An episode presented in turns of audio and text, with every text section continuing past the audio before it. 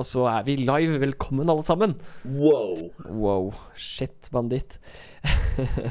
Dette er en ny episode av Shit Banditt. Det har vært en kul podkast-tittel. Brought to you by rødferne i covert.no. Velkommen til Shit Banditt, en, eh, en podkast om hendelseshåndtering og annet eh, snusk på internett. Nei, vent, det vil jeg ikke snakke om, faktisk. Når jeg tenker, meg- tenker meg om Men om hendelseshåndtering og, og digital etterforskning. Det, det har vært litt gøy. Kanskje, kanskje er det vi Ikke at jeg har sånn omega mye erfaring innenfor de Ingen av oss har det vel, egentlig. jeg, jeg kan bullshit om hendelseshåndtering. Det er ikke noe stress. Absolutt. Kopiere noen disker og kjøre noe verktøy, si. Ja, ja, klart. Min forståelse er på samme nivå som det andre har for pentesting. Det er ikke bare å kjøre noe verktøy. Vi gjør det som trengs. Ja, ja. Er det ikke bare å se på logger og sånn? da? Ferdig? Punktum. Mm. Det er så lett. Det er jo tekstfiler. Nei, men det, vi- det vi glemmer her, da, som jeg, uh, som jeg tenker, er at de som driver med incident response, har jo ikke tid til å spille inn podkast. For de jobber jo uh, altså føttene av seg. Altså, hallo. Kjemperelevant tema her. Sånn, det hadde vært en perfekt intro til det vi faktisk skal snakke om. Det er synd det er pre-show og vi absolutt ikke skal snakke om noe som helst relevant nå, men eh, det, det hadde vært perfekt, faktisk. Ja, det er klart. Vetle har fravær i dag. Han har gyldig fravær. Har han ikke det? Eller, eller han, han, han, han leverte Spørs på notat hans fra daglige leder, det. Ja, ja, han leverte notat ja. signert av mor og far, eh, Martin. Han har en gyldig fravær, liksom. Det, er absolutt.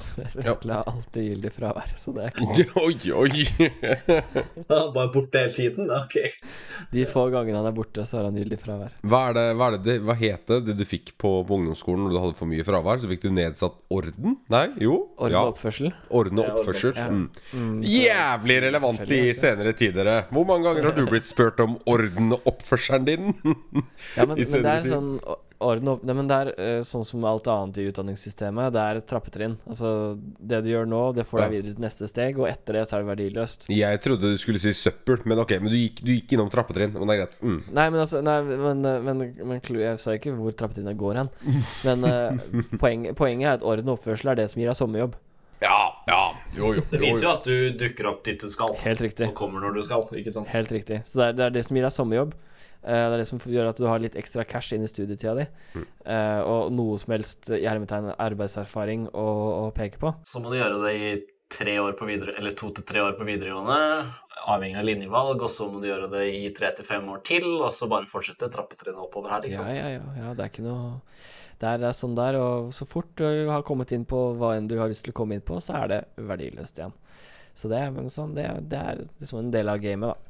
Jeg får lyst til å tenke på Eller jeg får nesten lyst til å, å se statistikken på hvor mange eh, i ungdomsskolealder som overhodet jobber. Jeg føler at den prosenten bare er Eller er jeg gammel mann når jeg sier sånn? At jeg tror, jeg tror ungdommen jobber ikke lenger, de vil ikke jobbe, de bare får penger.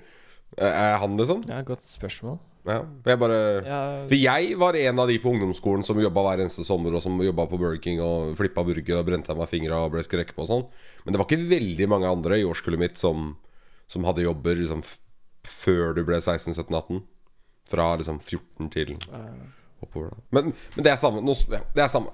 Jeg, jeg, jeg ser for meg fort at det her er en sånn ting hvor de litt De, de noe aldrende i alle generasjoner tenker tilbake igjen og liksom sånn Ungdommen jobber ikke. Og så typ, kan du sikkert dra fram liksom folk fra alle, alle generasjoner, og så er det egentlig bare sånn tre-fire i et kull på, på 20-15-30 som, som faktisk jobba. Men du jobba, så Ungdommen jobber ikke lenger. Men det er klart, dagens ungdom er jo altfor opptatt med å være krenka. Oi, oi, oi, oi. Var det for det er veldig Spesielt de som ikke får kjøpt databrus uten legitimasjon. Ja, de. De blir sinna. Det har jeg hørt. Uff, nei, nå ble jeg ikke, vi, vi kan ikke begynne sånn. Jeg blir jo sinna og lei meg og opphissa på samme Opphissa, faktisk. Åh, oh, oh. I alle taker. Ja, jeg er sulten. Jeg må ta noe mat. Det er greit. Vi kjører på her nå. Vi tuter. Ja, tut og kjør, Martin. Tu, ja, jeg drev, nå er jeg på Statistisk sentralbyrå. Jeg for å se etter liksom statistikk på arbeidsledighet og sånt noe for de mellom 15 og 24. Kan ikke, la meg bare gjøre meg ferdig her. Arbeidsledig prosent 2022. Begge kjønn 15 til 24. Utdanningsnivå ja, det blåser vi. Da er arbeidsledigheten 11,5% Så kan man jo spørre seg hva det betyr i, i praksis, da. Men det er ganske, ganske stort spekter, da. Fra 11, hva for noe, 11 til 24? Ja, ja, ja, altså, ja, for da får du jo med alle de som har gått yrkesfag, da, i de tallene der, ikke sant, som da har begynt lærlingtid og begynt å jobbe. Og, og en bachelor òg, for så vidt, eller? Er du ikke ferdig med bachelor når du er 23? Jo, det er du vel? Master 22? eh, Ja, det er for så vidt et poeng. Det er litt dårlige tall fra Statistisk sentralbyrå der. Jeg skulle likt å se spekteret før høyskole. Det er det jeg skulle likt å se. Ja, det, det får du ikke. Nei, faen, Martin. Helvete, altså. Eh, sorry, det er så, sånn, sånn er det blitt. Sånn er det kan godt hende det fins Det fins 15 til 19, kanskje her. Personlig prosent, vis tabell. Personer i alderen 15 til 19 som verken er sysselsatt eller under utdanning. Ja, Det er heller ikke det vi er ute etter, da, men det er 5,1% Ja. Dropout-tall, egentlig, det der, da. Ja. Ja, men som ikke jobber, så det betyr jo de som håper jeg går på Nav eller lignende, da. Eller, eller bor hjemme uten, å- uten å gjøre noe. Eller gi faen, liksom. Skjønner. Ja, eh, 5, 5 det, er, det er mer enn ingen.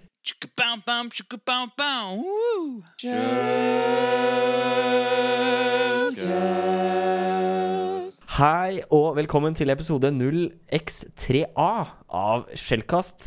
Jeg heter Martin. Jeg jobber som uh, sikkerhetstester og driver et selskap og noe greier. Og du finner meg på Twitter som MRTN9 og Mastodon på MRTN at Infosec Exchange.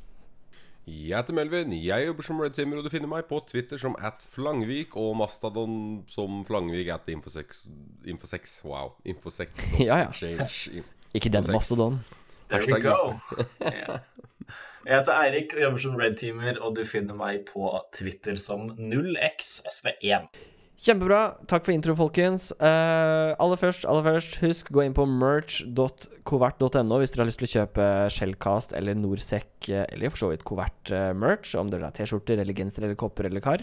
Så finner dere det der. Jeg har fiksa javascripten, så, så, så sida funker faktisk igjen. Det var akkurat innom du skulle sjekke. Den funker faktisk. Ja, bare, bare hyggelig. Ja, For det har nok ikke gjort de tre andre gangene. Ja, nei, det, det er riktig. Men nå funker den, så, så nå er det bare å løpe og kjøpe og bestille. Dere har vel lyst på en liten Shellcast-kopp uh, og drikke kaffen av på kontoret, hvis jeg ikke tar, uh, tar feil.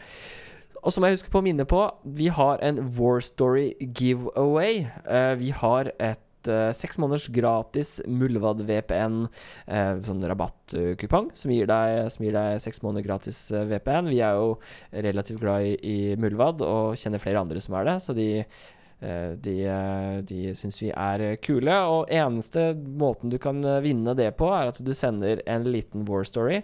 Og hva er en war story? En war story er en morsom historie, en interessant historie, eller en teit historie som du har opplevd, eller som du kjenner noen som muligens kanskje du har vært i nærheten av som har opplevd, eller et eller annet sånt noe, eh, og sender det til podcast at 5h3ll. .sh. Det er da altså podcast at 5h3ll.sh. Hvis du lurer på noe, spør oss på Norsec. Vi har en kanal der. Um, kult. Eirik, vi har fått et lyttespørsmål.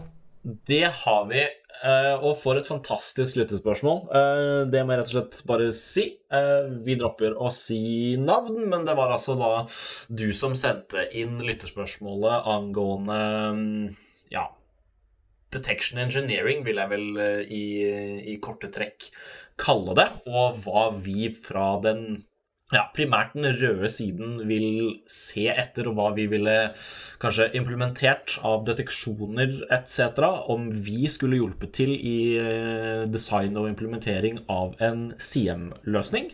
Ja, Litt sånn purple teaming-aktig. Ja, det blir vel eh, blir jo i bunn og grunn det. Um, så ja, det er hvis man skal sette opp en um, Ja. Putte alle loggkildene dine inn et sted, spinne opp f.eks. Splunk, Elastic eh, etc. etc. Um, det her har vi også da konkludert med at er et såpass spennende og ikke minst stort tema at uh, vi ønsker, og det er flere av oss som er veldig gira rundt den topicen her, så vi velger å dypdykke ned i dette i, i en senere episode. Uh, men fy søren for et lyttespørsmål, og spennende, godt formulert. Så mer sånne spørsmål, og så tenker jeg at vi kanskje bare tar det neste uke. Eh, Og et godt bidrag til, eh, til Muldvad-VPN-konkurransen. Oppfordrer flere til å sende inn eh, gode spørsmål av dette kaliberet. Ja, for det, det kan vi jo si, da, for å utvide, utvide giveawayen sine, sine konkurranse... Skal man si, betingelser lite grann. Uh, så War Story Vi kan godt ta lyttersp gode lytterspørsmål som et uh, i stedet for War Story, hvis, hvis dere føler for at det er lettere for dere å sende mail. Vi er, vi er jo borderline desperate på å få gitt fra oss dette gavekortet sånn nå, så, så gode lytterspørsmål, det, det gjelder også. Kom med de. Please, vær så snill. Kult. Neimen, uh, takk, uh, Eirik. Uh, War Stories. eh, der sa du, Melvin, at der hadde du noe å komme med i dag. Jeg har noe å komme med. eh, det er ikke en veldig lang war story, men den er utrolig interessant. For det, det sier veldig mye om hvor fort eh, noe kan endre seg sånn i forhold til angrepsvis. Og, og, eh, og, at, og at når man jobber med det vi gjør, så skal man være litt lean og agile. Så det som skjedde, var at jeg begynte på et, et eh, Red Team-oppdrag. Eh, For en kunde for et par uker tilbake. eh, Og da begynte jeg første uke med, med informasjonsinnsamling. Og, og det er jo så utrolig spennende. Og det føles eh, til tider utrolig meningsløst når man gjør det. Fordi man, man, forventningen er jo liksom ikke at man skal finne access tokens eller, eller kritisk data eller pass eller hva det måtte være ligge ute på internett. Ikke sant? Typisk også hvis man, hvis man er opp mot en litt moden kunde, så er de ganske, er de ganske, ganske lokka med hva som finnes. Men man, man gjør det uansett. Og så mot slutten av den OSINT-fasen da, så tok jeg passordlista mi, og så tok jeg brukerlista mi, og så begynte jeg å utføre litt sånn eh, rolig password spraying-angrep. Og det er, det er jo ikke noe som heter rolig password spraying-angrep. Det er jo som å stå på utsida av huset noen og slå på vinduet og si 'jeg vil inn'. Uh, men, men jeg prøvde nonetheless. Uh, og så får jeg da, da varsel på, på mobilen min uh, på kvelden at uh, gyldig login er temt, funnet. Og at det ikke var noe MFA eh, implied på den login-attemptet. At der, jeg hadde klart å hente ut en gyldig access token til en Microsoft Office 365-ressurs eh, ved, ved da å gjette riktig passord. Eh, og det er ekstremt rart, for dette er en moden kunde som skal ha eh, I hvert fall ha tofaktor implementert, eh, og, og skal ha ting eh, under wraps. Eh, og jeg bruker da mitt eget verktøy, Team Filtration, til å starte en eksfiltreringsprosess uh, med det access-tokene. Og klarer da å hente ut eh, en komplett kopi av innboksen til vedkommende. Uh, 2000 pluss e-poster. Og da en kopi av det interne så, altså Asher Active Directly, domeneinformasjon, brukere, grupper osv. Det klarte jeg å hente ut. Eh, på, på minutter, for det kan du gjøre da automatisert med Teamfiltration. Hashtag Teamfiltration, hashtag no shame. Eh, men det som er utrolig moro, er at det- ti minutter etter det her, så kicker da eh, Sokk inn, responderer og låser ut til den kontoen. Så hadde det ikke vært for at jeg hadde hatt dette automatiserte verktøyet som kunne hente ut dette her lynraskt, så hadde den compromisen der vært helt verdiløs. For jeg hadde aldri i livet klart å, å logge inn eh, på, på, på en ekstern ressurs og, liksom manuelt browse gjennom det. Og så hadde jeg ikke klart å enumerert conditional access policy på den måten jeg gjorde heller, eh, ved liksom å, å prøve applikasjoner og sånne ting. Så, så fra den breachen, da, tidlig inn i Red Engagement, så sitter jeg på helt vanvittig mye verdifull informasjon. Jeg sitter på telefonnummer, e-postadresse, geografiske lokasjoner, jobbtitler, avdelingsroller. Eh, når, de, når personer har bytta passord sist, og, og når de har starta i bedriften, sitter jeg på for hver enkelt eh, ansatt i bedriften. Og når jeg da nå skal begynne å, utføre social engineering-angrep, så, så, så er det uvurderlig informasjon å sitte på. I hvert fall dette med telefonnummeret, for det er ikke alltid lite, like lett å finne eh, mot kunder i USA. Og så e-postene, så klart. Jeg sitter jo da på haugevis av interne e-postmaler, interne dokumenter som har sensitiv informasjon, og, og generelt ting jeg kan bruke. da så, Og da, da måtte jeg bare For jeg hadde jo allerede denne uka en, en tanke liksom på hva jeg skulle bruke sånn i forhold til phishing. Jeg måtte jo bare kaste det rett ut av vinduet, for nå sitter jeg på så mye informasjon, og så må jeg tilpasse meg det. Så, eh, så det var utrolig moro. Og så er det denne uka her, da, om jeg får se om, om jeg klarer å liksom gro noe no plante, eh, Gro noe planter? Gro noe, gro noe Altså få noe, få noe profit da av, av uthenting av data. Så det, det var egentlig den historien. Eh, og nå har jeg ikke kommet helt til bunns i hvorfor, men de har, de har grovt miskonfigurert conditional access policyen til policy, Wow, norsk er vanskelig, da. Miskonfigurert conditional access policyen sin til å slippe inn visse applikasjoner fra visse enheter. Eh, så, så ja. Utrolig moro. Ja, det er spesielt. Det, det, det, det, det sier jo på en måte alt om det, det, For det interessante her er jo at de reagerte fort. Det er jo positivt. Uh, og eh, utrolig, for den saks skyld. Altså, det er fantastisk. Nesten det mest overraskende, holdt jeg på å si. Ja, ja. Uh, men- og, men det som er kanskje det kjipe for de på den blå siden som hører, er jo det at uh, man føler jo ikke at man har tapt. Ja, du mista tilgang, men du har jo henta ut tonnevis av informasjon allerede, ikke sant? Som, som du vet kommer til å bli nyttig uh, i videre angrep. Som betyr at eh, når du som på den blå siden håndterer en sånn episode, så må du forvente et videre utfall senere. Eh, du, selv om du nå har håndtert det etter boka, og du kan kanskje si noe om hva som har blitt henta ut, og hva som ikke har blitt henta ut, og sånt, så, så er det liksom Ja, men, men med den informasjonen du har nå, da, så er liksom alle options på bordet plutselig. Noe det ikke var før. Så, så det er veldig, veldig spesielt. Jeg ble også meget imponert over responstiden på det her. Jeg tror ikke jeg har sett responstid lignende noen gang, faktisk. På, på liksom bare under en halvtime klare å identifisere en, en suspicious login attempt, og, og ikke bare bytte passord, men også da revoke tokens av clear sessions. Så det var god prosedyre. Men som du sier, da Ja, hvor dyp eh, er telemetrien her på, på blåsida? Har de en anelse at de har stukket av gårde med data overhodet? Er for det er, jo ikke, er jo ikke akkurat eh, hverdagskost eller tenkelig at man klarer å stikke av med så mye data på, på så kort tid. da Så det blir spennende å se eh, på report readout eh, og, eh, og generelt bare framover hvordan, hvordan det der approaches. Det er interessant. Mm. Ja, det er, veldig, veldig spesielt. Og det er som du sier, er liksom, hvilke loggdata har de tilgang til? Hva, hva kan de se, hva hva har de faktisk kunnet si? Liksom, oh, shit, nå, nå fikk de tilgang til veldig, veldig mye relevant eller uh, informasjon som kan misbrukes, da. Det er spennende å se om de har noe økt beredskap internt. Nå har du jo stukket Altså, har du jo Det som er fint med at du har stukket av med, med alt versus spesifikk informasjon, er jo at hvis du bare hadde pulla hvem er med i ledergruppa, eller hvem er med i Git Publishers-gruppa, eller whatever, så ville de jo def, altså, definitivt overvåkt den gruppa eh, veldig mye bedre. Men nå har de jo alt, så det er jo ja, sånn sett, sånn sett mye bedre med at de ikke nødvendigvis vet eksakt hvor du ja, slår til neste gang. Eh, men selvfølgelig veldig interessant å høre igjen om på War Story om noen uker om hva de brukte den informasjonen til. da.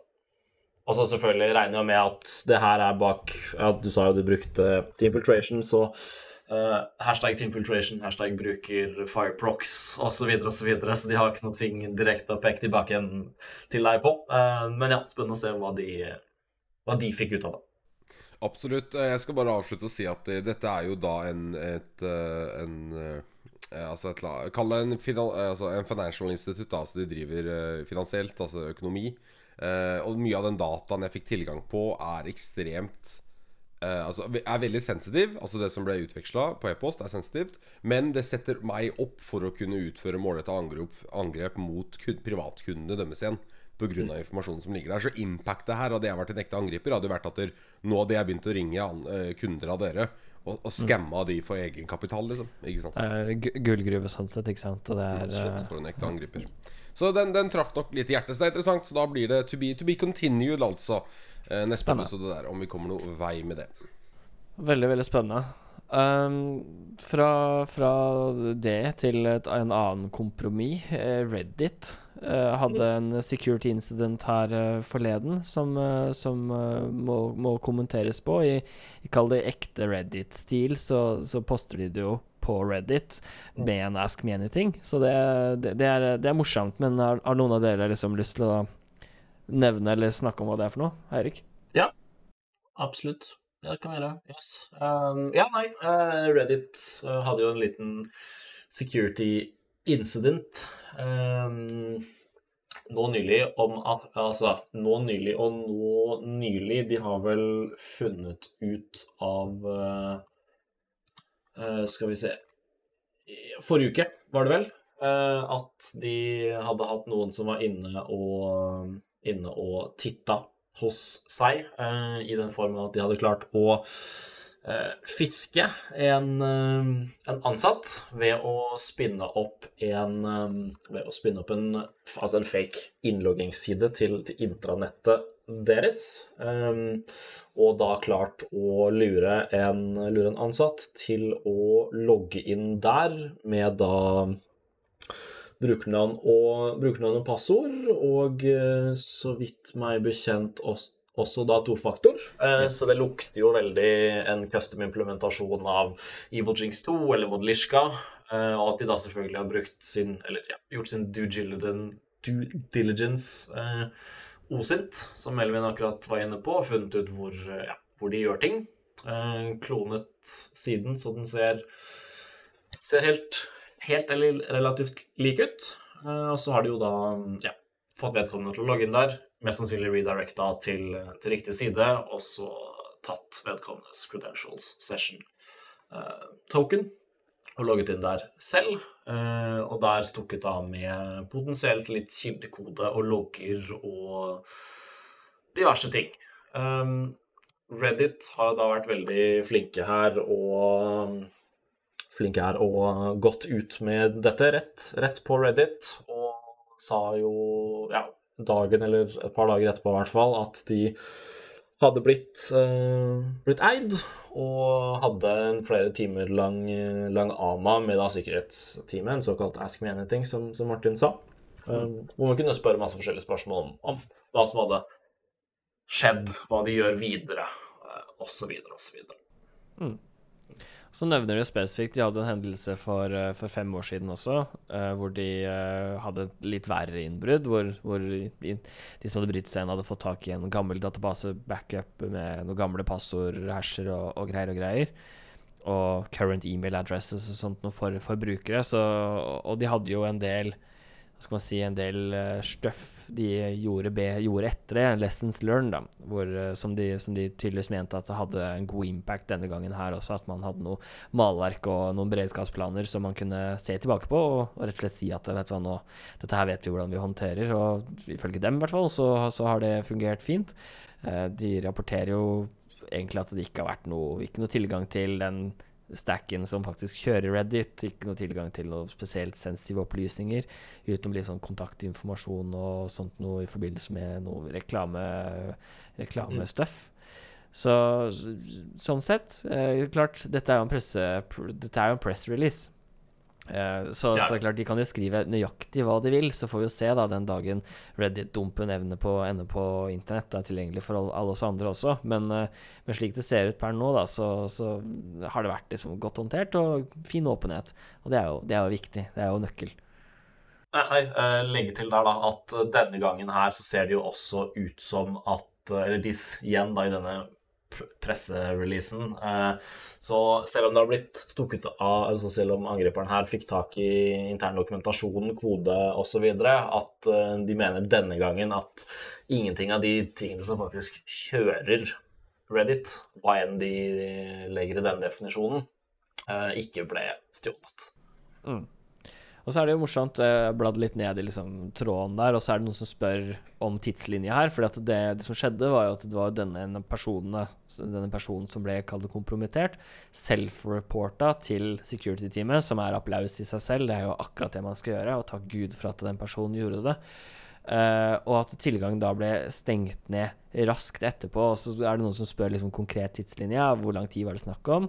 Uh, og det de liksom peker på her, er snakk om eh, noen få timer. Eh, og det er jo litt morsomt sånn med tanke på war-storyen til, eh, til eh, Melvin. hvor et security-team på en måte håndterte det på, på kort tid også. Så det, det tyder jo på at det fins noen organisasjoner der ute med security-team som er veldig på. Uh, og som klarer å respondere og har disse prosessene og malene sine som, og planene som de går gjennom for å håndtere sånt noe. Og det er, det er veldig morsomt å se. Det betyr at ting funker. Absolutt. Det som er utrolig morsomt, er at hvis man drar litt eh, sammenligner her mellom f.eks. Okta Breachen, da, som var et clusterfuck av en dårlig håndtering på en breach, der hvor eh, var det ikke daglig leder som gikk ut et par timer etterpå og sa at alt var bra, ingenting har gått av, og så ble det bare verre og verre og verre. Eh, etter, hvis jeg husker riktig, etter hvert som tiden gikk. Det er klart Nå er det fortsatt tidlig inne i, i Reddit-breachen her, men igjen, da. eh, Reddit er et selskap som forvalter dritt som folk har lyst til å skrive på Twitter. Conspiracy theories, eh, how to make pizza pie, hva enn du vil, liksom. Ikke sant? Eh, Sammenligna med fuckings Okta, som er en single eh, sign-on service provider. Altså en, en basically en, en identity provider, liksom. Som håndterer det helt ræva. Så det- det- Modenheten her er jo bare dag og natt, da. Eh, igjen, hvis, hvis det vi får høre fra dere, stemmer, så, så det, det er hats off. Og det de selv kan reflektere på at det, det vi lærte fra forrige breach, har vi effektivt implementert og effektivt tatt i bruk nå. Det er jo Altså, du, du kan jo ikke be om mer. Altså, du kan jo ikke be om mer enn å liksom vise til lærdom av tidligere feil, da. Så det er, eh, det er sterkt. Absolutt. Ja, ja, jeg tror uh, Dette er jo altså I en perfekt verden så får ingen vite om hva som har blitt lekka, så du kan jo si at ingenting har skjedd, uh, i teori. Altså hvis du skal se på det sånn fra et presseperspektiv, da. Uh, men, men det er jo med tanke på Vi vet hvordan trusselaktører fungerer, i at de liker å publisere stuff etter at de har Etter at de har kompromittert det, så er liksom beste strategien er å gå relativt åpent ut og si 'vi har blitt kompromittert'. Og i hvert fall hvis du ikke Altså, uh, du skal åpenbart ganske fort vite hva som har skjedd, og, og, og liksom hvilken data som potensielt er på avveie. Og da er det bedre å være på den trygge siden og si vi tror at dette og dette og dette er på avveie. Det er det, liksom det som er sannsynlig at det er på avveie. Og heller snevre inn seinere enn å gå fullt ut, og så får du sånn der gjentagende nyhetssak om at ah, det, er enn, det er verre enn det det egentlig var, og de lyver, og så, ja, så har du hele den der syklusen der. Um, ville jeg tro. Men så kan man sikkert si at når det handler om news cycles, da, så vil jo den første news cyclen vil jo da være den som kanskje har størst påvirkning. Så hvis du sier at nei, ingenting har skjedd, eh, vi har hatt en lite datainnbrudd, null stress, så er det det som får overskrift på VG. Så lite datainnbrudd. Eh, og så hvis du da kommer med oppdateringer etterpå som sier at fy faen, det var jævlig ille, faktisk, at det ikke får like stor medieoppmerksomhet. Så det er, sånn der, det er en sånn rar strategi, altså intensivbasert ting i det. Men, eh, men jeg tror jo for, kall det for vår del, altså for miljø, IT-miljø, IT-sikkerhetsmiljøet sin del, så setter vi jo pris på noe åpenhet, og at liksom, de viser til måte, dette er det vi vet, og dette er fakta, og, og alt vi ikke vet, det sier vi at vi ikke vet. Eh, for det er åpenhet. Jeg ønsker å legge til Ja, nå ble det et par, eh, par kommentarer siden her, men jeg tenker jo også Altså, man skal ikke helt kimse av Reddit sin Hva skal jeg si? Altså Reddit sitt samfunnsansvar og på en måte informasjonen de besitter, da. Fordi det er jo Man kan jo kødde med at det er mye dritt på Reddit, men det er også ekstremt mye god informasjon. Eh, og det er jo liksom på en måte blitt forumet til, til hele verden. Så istedenfor at du hoster ditt eget liksom WoW-forum med gutta, så har du en subreddit eh, eller WoW-redditen osv. Men det er ref mye sånn derre, skal jeg si, snusketjenester som har blitt hei, eller snuskeforumer rundt omkring, som har blitt eid, og eh, og personlig informasjon som har blitt lekket ut osv., så, videre, så er det nok like mange som bruker diverse subreddits på Reddit da, til å gjøre ting de kanskje ikke burde, og snakke om ting de kanskje ikke burde, og hvis Og selvfølgelig, eh, skal man dra full paranoia-hatt, så brukes jo Reddit og lignende forumer garantert til å, å ha Altså file drop-offs for etterretningstjenester, for agenter der ute som poster random ass kommentarer i random, tilsynelatende random ass Subredditor og det er journalister eh, eller dissidents etc. som går under dekknavn, men som kanskje har hatt en bad fuck-up-oppsekk i IP-adressen de registrerte seg fra, eller herregud, gjenbrukt en e-postadresse, eller ja, brukernavn som kan linkes til det og sånn. Så jeg kan jo se for meg at for en statlig aktør, eller selvfølgelig en trusselaktør med store kapabiliteter, så hadde man stukket av med liksom brukerdatabasen til Reddit, så tror jeg vi kunne fått tak i mye Korrelert mye interessant informasjon da, Mm. om folk i både statlige, og offentlige og privatpersoner og journalister, og, og selvfølgelig folk som ja, holder på med ting de kanskje ikke skulle, osv. Du har jo eh, Det holdt på å et, et annet poeng. Du har jo noen som utvikla det er ikke så lenge siden, faktisk. C2 via Reddit også. Mm. Som, eh, som er litt uh, morsomt. Så point being der, for å runde av, det er jo fint å vite at de også tar det seriøst. Selv om de, selv om de utad kan jo virke som cesspool of the internet, så besitter de mye viktig informasjon. Reddit er ingen fortran, absolutt ikke. Eh, men eh, det er liksom jeg bare, Satt på spissen så er det liksom Du har verdens forum som, som lar deg poste alt du vil for, på good and for bad. Og så har du liksom en fuckings identity provider som bare, som bare, bare Ja, nei, men det er helt vilt, hvert fall. Uansett, uh, takeaway, kudos til Reddit. To prima eksempler på Mm. måter ting kan håndteres på. Ja, uten tvil. Uten tvil. Apropos håndtering og beredskap. Hey! Wow! Det er nydelig. Applaus. Takk, takk, takk. takk. Swish, swoosh for en transition. Men, men du må ta den videre, for jeg har ikke satt meg inn det her i det hele tatt. Så du må ta den videre, Martin. NRK-mannen. I, i, NRK-mannen jeg, jeg, jeg, I dag, eh, dette er da altså 13. eh, 13. februar eh, 2023, så kom NSM, E-tjenesten og eh, PST sin eh, trusselvurdering eh, ut. Den ble lansert i dag, og pressekonferanse og, og hui og hei. Eh, vi har jo de siste Det begynner å bli en del år nå hvor vi har fått risiko fra, fra E-tjenesten. Vi har fått fo nei, fokus, mener jeg, fra Etterretningstjenesten. Risiko fra, fra NSM og åpen trusselvurdering eller sånt noe fra PST. De burde virkelig finne på et litt sånn fancy, schwungent navn, egentlig. Det er litt sånn kjedelig i forhold til eh, NSM og E-tjenesten. Men uh, som sier noe om da uh, IT, eller sikkerhet generelt sett, men også cybersikkerhet mot, uh, i og mot og ut av, av Norge, da. Så det, så det er alltid gøy. Det er jo eh, det er litt morsomt, fordi at jeg føler disse, eh, disse vurderingene, disse tre vurderingene, skaper et sånt Venn-diagram som i veldig stor grad overlapper. Det er nesten perfekt sirkel, føler jeg. At de er som regel ganske enige i, i kalde trusselen eh, som Norge står, står overfor.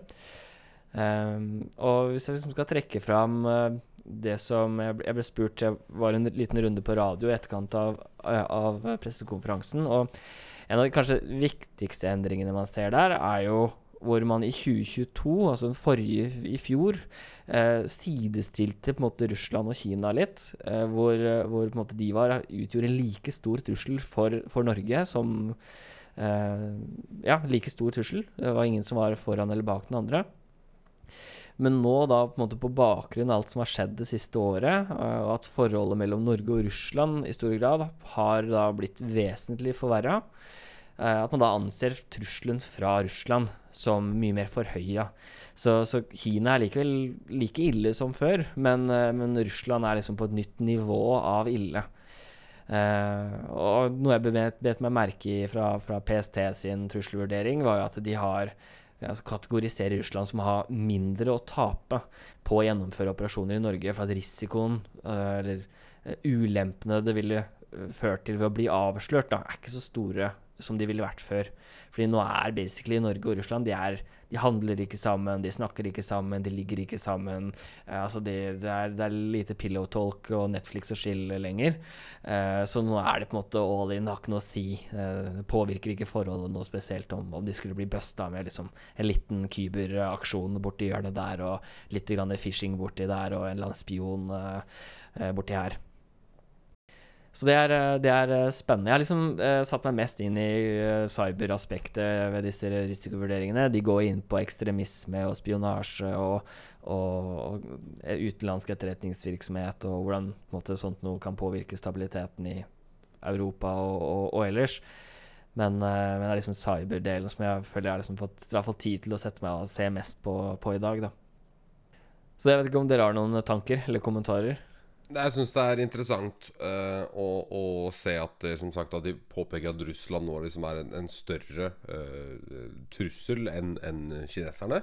Uh, av, altså Pga. den geopolitiske situasjonen og det som skjer nedover. Da, at vi, vi støtter et land som uh, er i aktiv krig med, med Russland. Eller som har blitt invadert av, av Russland og forsvarer seg selv, er vel mer riktig. Um, men jeg synes det er litt interessant det vi snakket om på før podkasten. Dette med at eh, de går ut og forteller sier at de egentlig er ganske fornøyd med eh, Ja. du, du oppsummerte det bedre. Ta det du, Martin.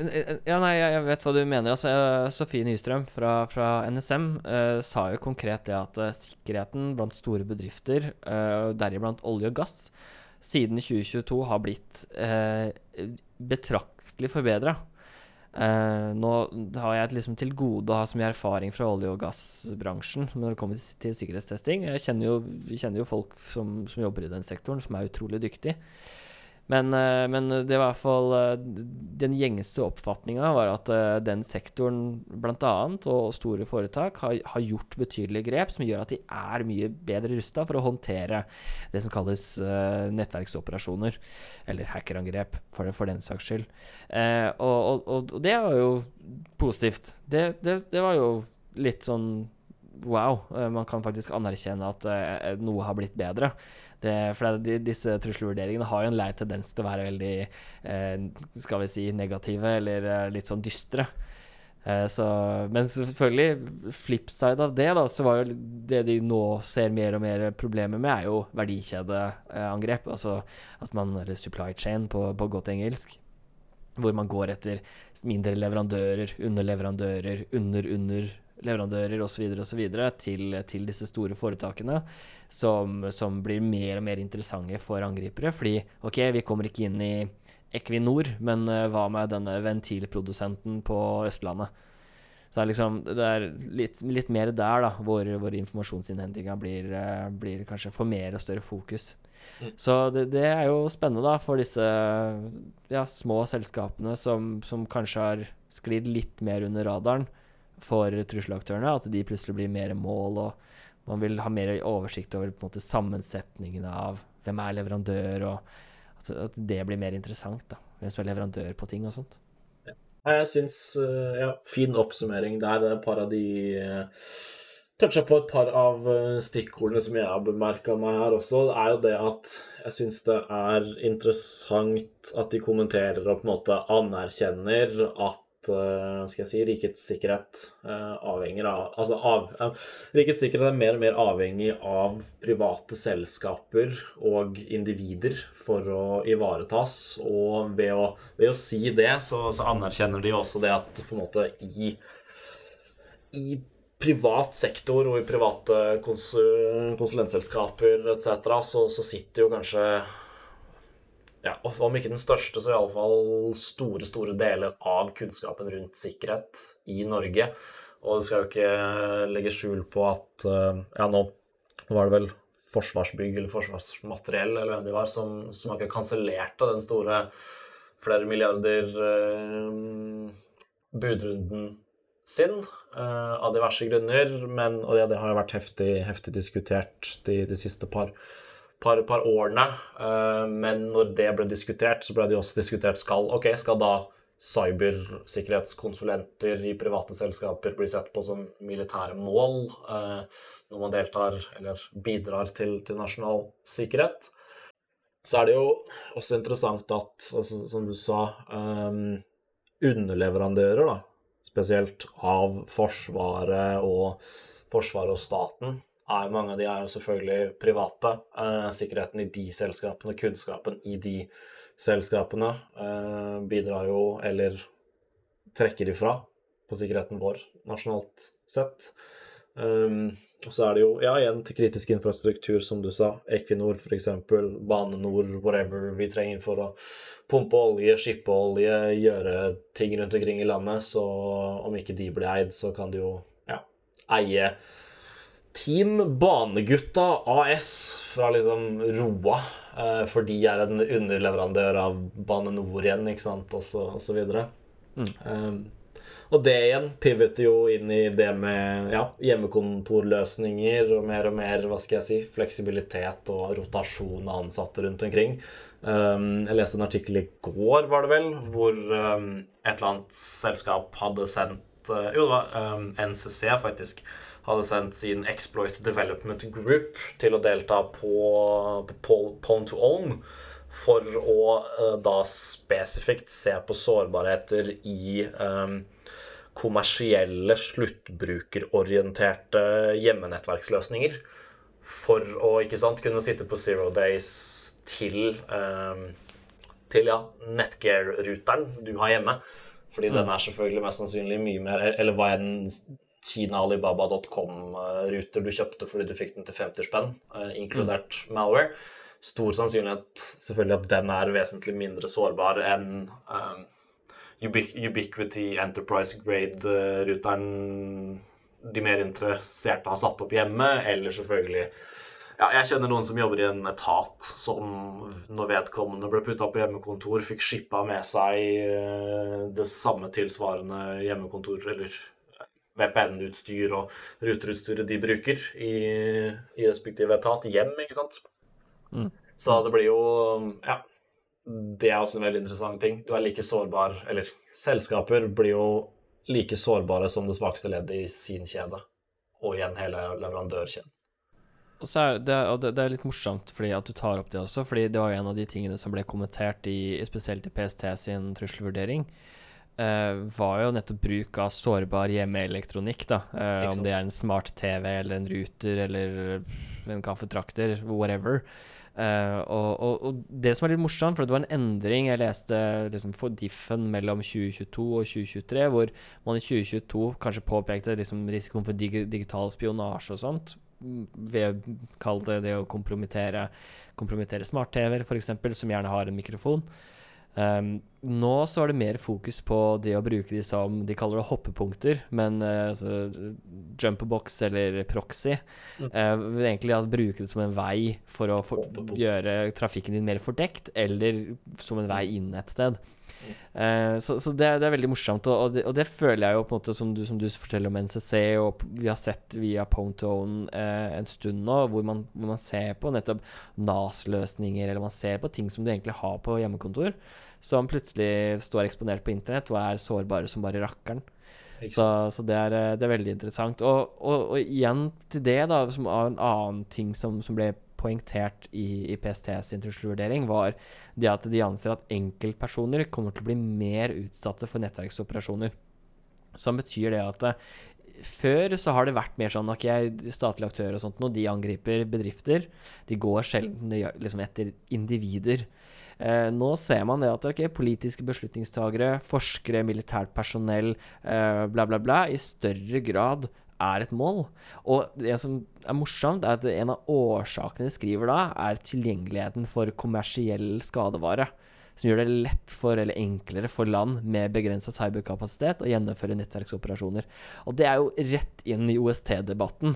Uh, altså off offensive security tooling, eller open source tooling, eller hvordan du ønsker å liksom definere OST. uh, hvor man har diskutert nettopp skal kommersiell skadevare, eller open source skadevare for den saks skyld, være tilgjengelig for uh, hvermannsen. Fordi at ja, det, det blir brukt mot, uh, mot Norge, da, i, i teorien. og at man føler at det utgjør en, utgjør en risiko. Så jeg syns det var, eh, var eh, veldig interessant. og, det skiller seg jo fra, fra tidligere år. Det er jo en av mine pet peeves, disse konsulentselskapene som de bedriver egentlig ren cowboyvirksomhet overfor kundene sine, som er number one eh, prioritert prioritet. Wow. Altså deres ene prioritering en, Wow! Deres eneste prioritering er å fakturere timer og tjene penger. Punktum. De er ikke interessert i å å ha noe ansvar eller dele noen form for eh, engasjement rundt sikkerhet overfor kunden sin. Uh, Overhodet. Eh, og det er det som kommer til å føre til mye av disse supply chain attacks som, eh, som vi kommer, sikkert kommer til å se i fremtiden, og som vi nå får opplyst til, som er en større risiko, da. Mm. Helt enig. Ja, nei, det, er- det er spennende. Jeg likte veldig godt uh, Nå husker jeg ikke sitatet direkte fra hva Sofie Nystrøm fra, fra NSM sa, men hun sa det at uh, investere i beredskap i stedet for å rydde opp etterpå. Uh, og det er jo Som sikkerhetstester så, så er jeg veldig fan av det, da. Men, uh, men det, det, jeg, det er enkel økonomi. Det er billigere å fikse det først istedenfor etterpå. Så, um, så det syns jeg var eh, bra. De, de snakker jo også om, eh, de snakker også om eh, tjenestenektangrep i rapporten. At uh, tjenestenektangrep blir brukt som en, nok en nettverksoperasjon da, for å på en måte skape eh, overbelaste nettsider og gjøre nettsider utilgjengelig. Uh, mm. jeg føler jo på en måte at de de, de spiller, ikke, spiller det ikke veldig opp. Altså De hyper det ikke eh, som et virkemiddel, men de liksom erkjenner at det er et virkemiddel som benyttes. Og at det benyttes fordi at det skaper mye blest.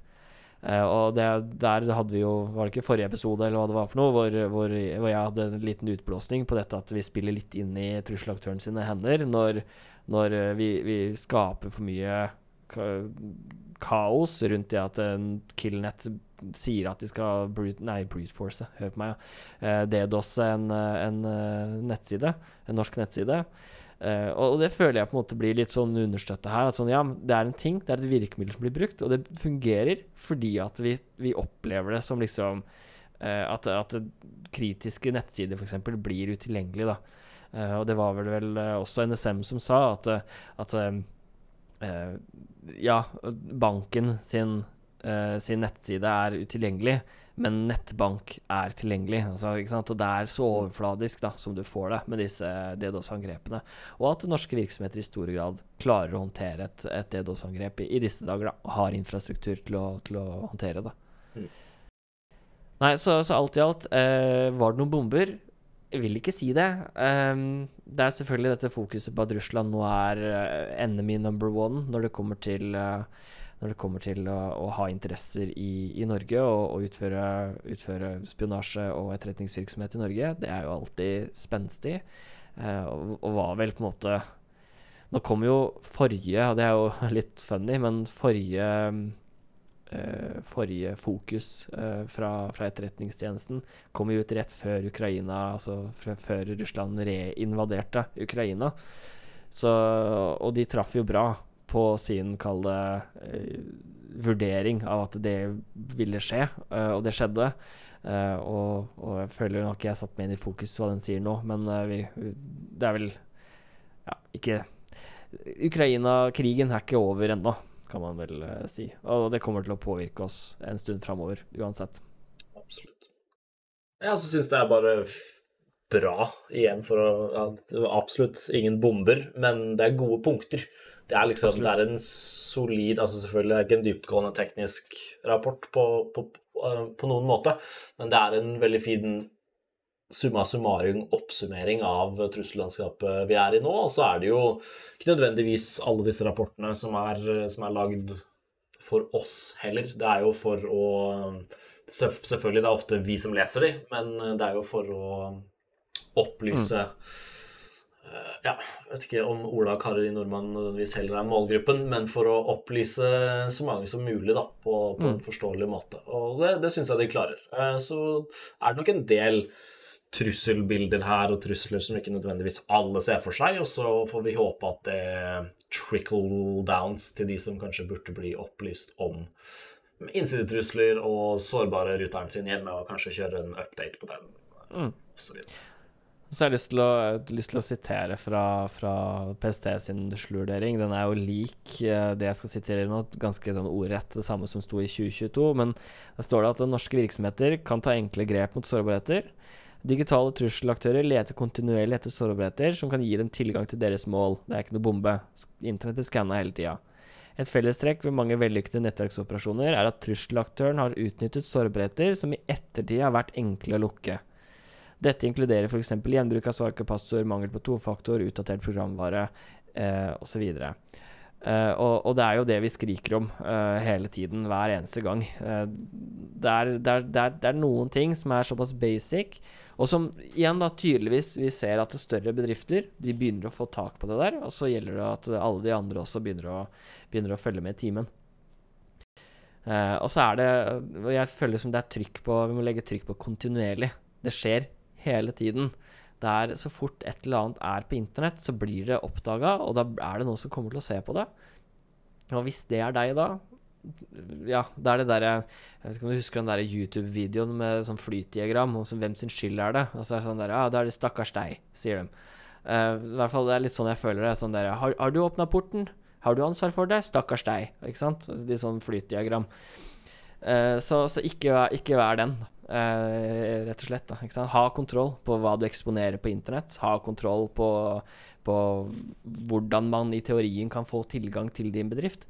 Uh, og uten å Nå skal ikke jeg selge i denne podkasten det er ikke meninga, men, men gjør noe med sikkerhet. Ta en test, eller gjør noe vurdering, eller et eller annet, i hvert fall. Gjør noe. Og så er ikke dette her ingen av de som hører på her, er i det hele tatt liksom riktig mottaker. Liksom de som hører på Skjellkast, de veit som regel hva de, hva de, driver med. Så det er liksom ikke Ja, det er feil, feil uh, arena.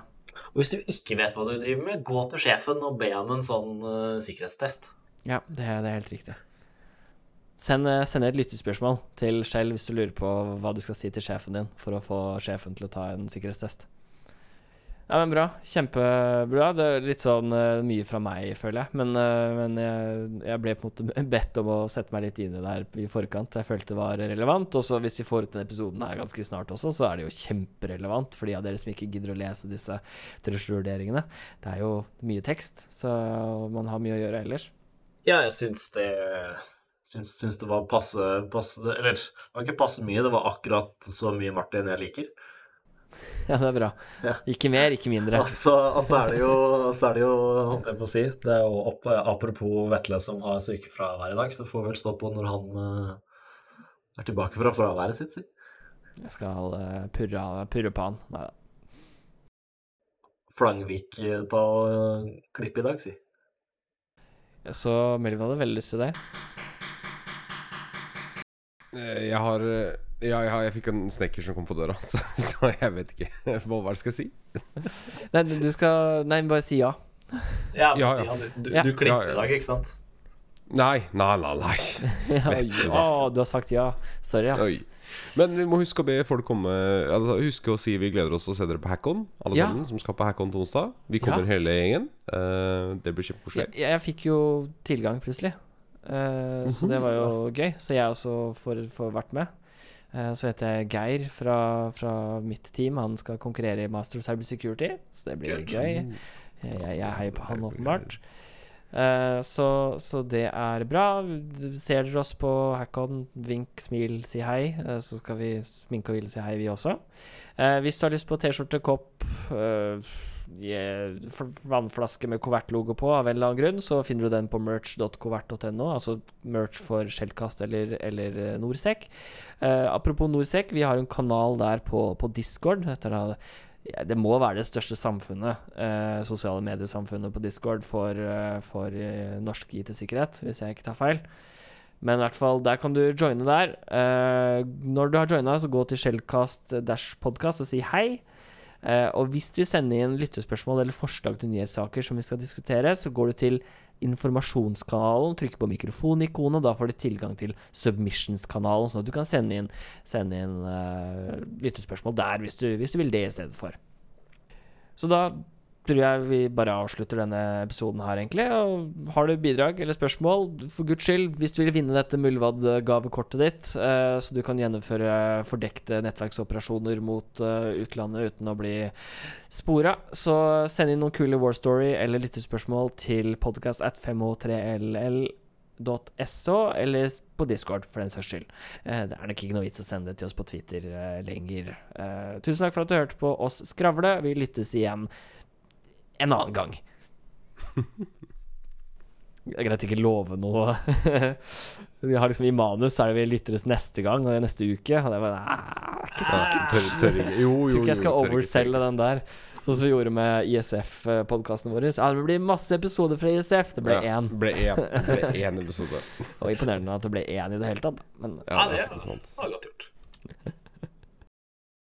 Nei, men bra. Nei, men da Hva er det du snekrer på? Jeg trodde huset var ferdig, jeg, Melvin. Nei da, det er sånn eh, Du vet, vi kommer og retter opp i ting etter eh, etter vi har flytta inn, når det er sånne småting som vi fant under, under overtakelse. Ja, Så det er bare litt sånne småting.